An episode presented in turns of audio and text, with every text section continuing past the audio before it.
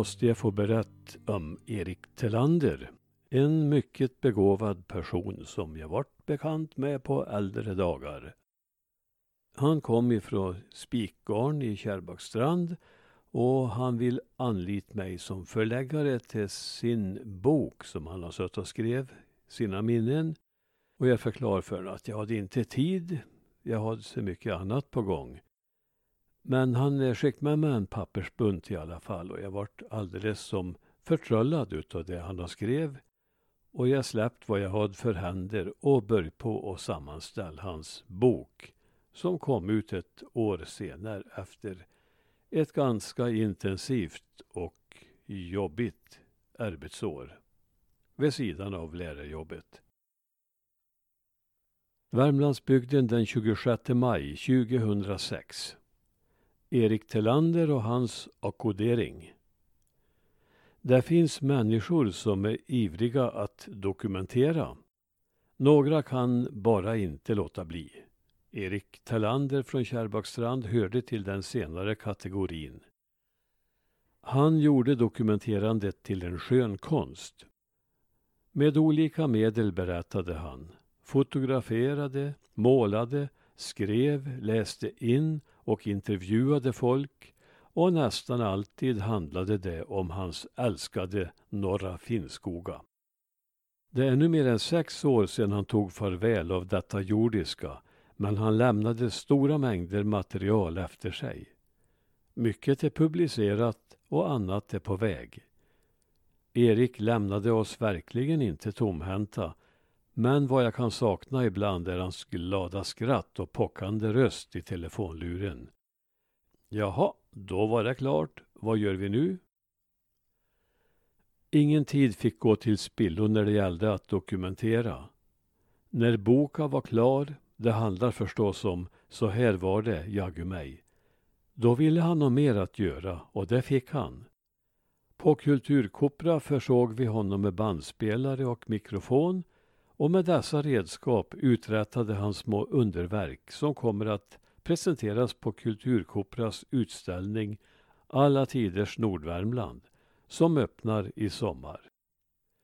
Erik var en inbiten samlare av gammelord som han själv kallade dem och dessa ord kom förstås från den gamla dialekten i norra Finnskoga.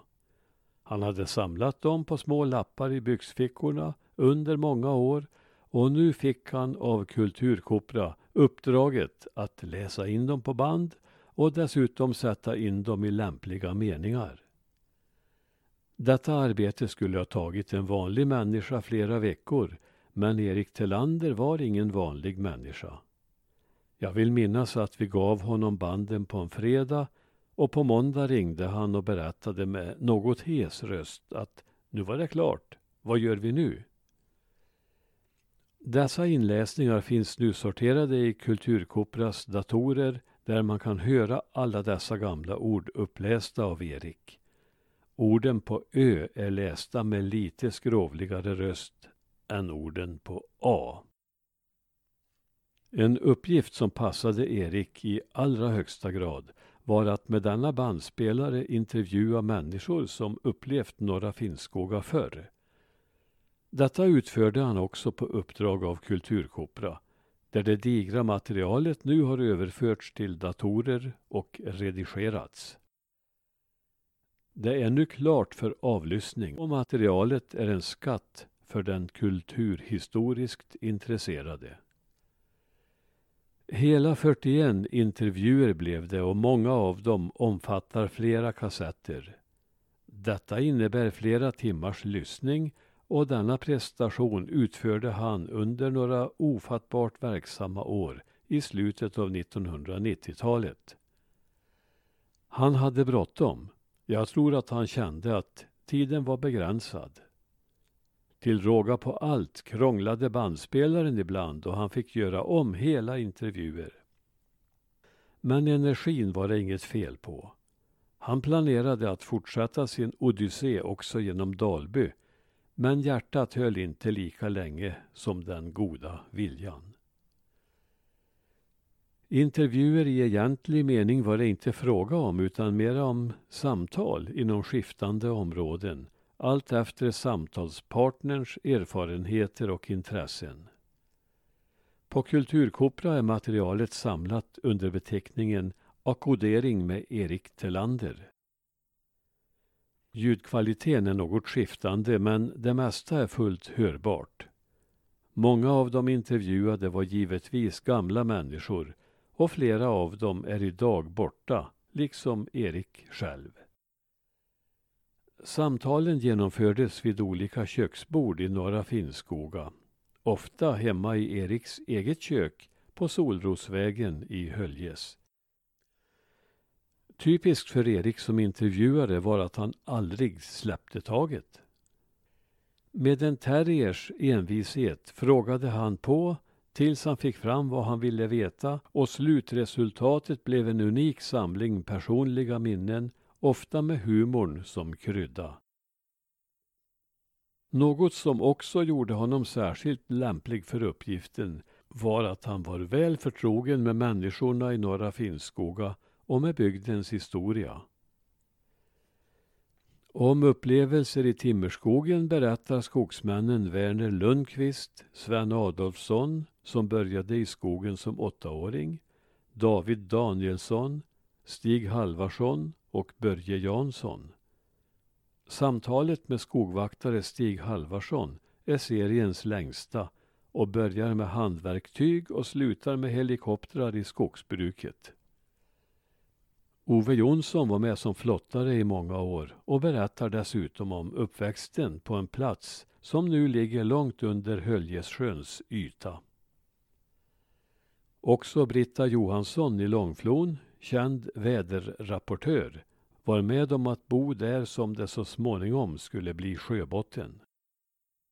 Lars-Anders Frykelid tillbringade en ungdomsjul ensam med några hästar i skogen och berättar också om när lastbilarna blev vanliga fordon i Norra Finnskoga.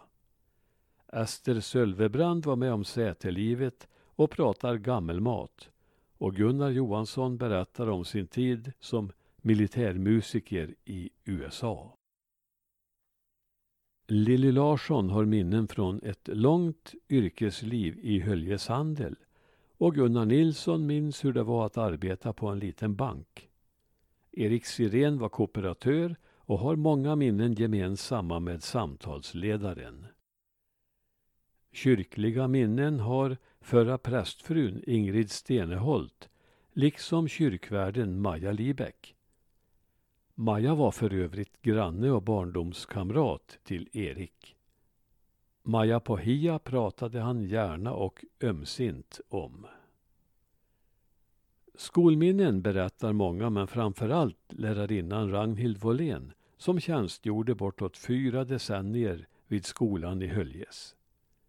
Henry Persson bidrar med minnen från beredskapen och det gör också Sven Bengtsson och Lilly Lindfors. Björg Nordäng minns en dramatisk flykt över gränsen då kriget drabbade hennes hemby.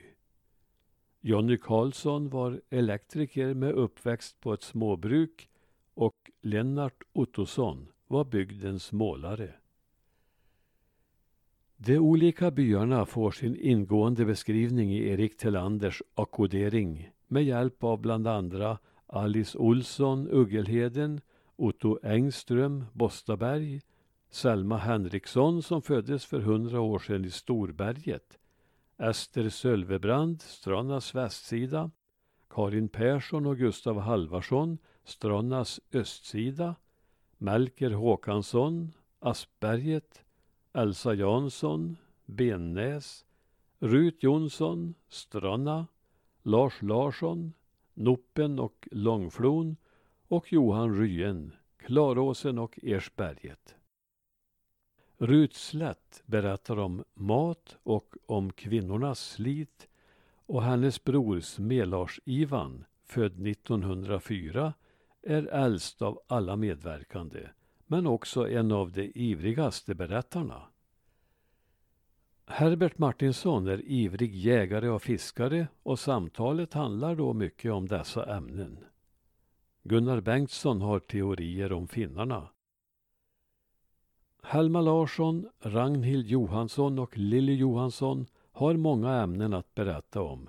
Mycket om Bosta och doktorn i Likenäs, Börje Serven, hade sitt distrikt uppe i Finnskogarna och berättar levande om en läkares vedermödor från mitten av 1900-talet och framåt.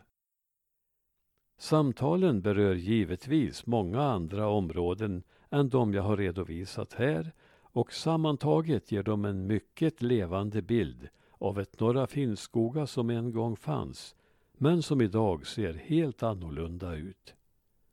Detta är kanske Erik Tellanders största gåva till eftervärlden. Jaggu mig.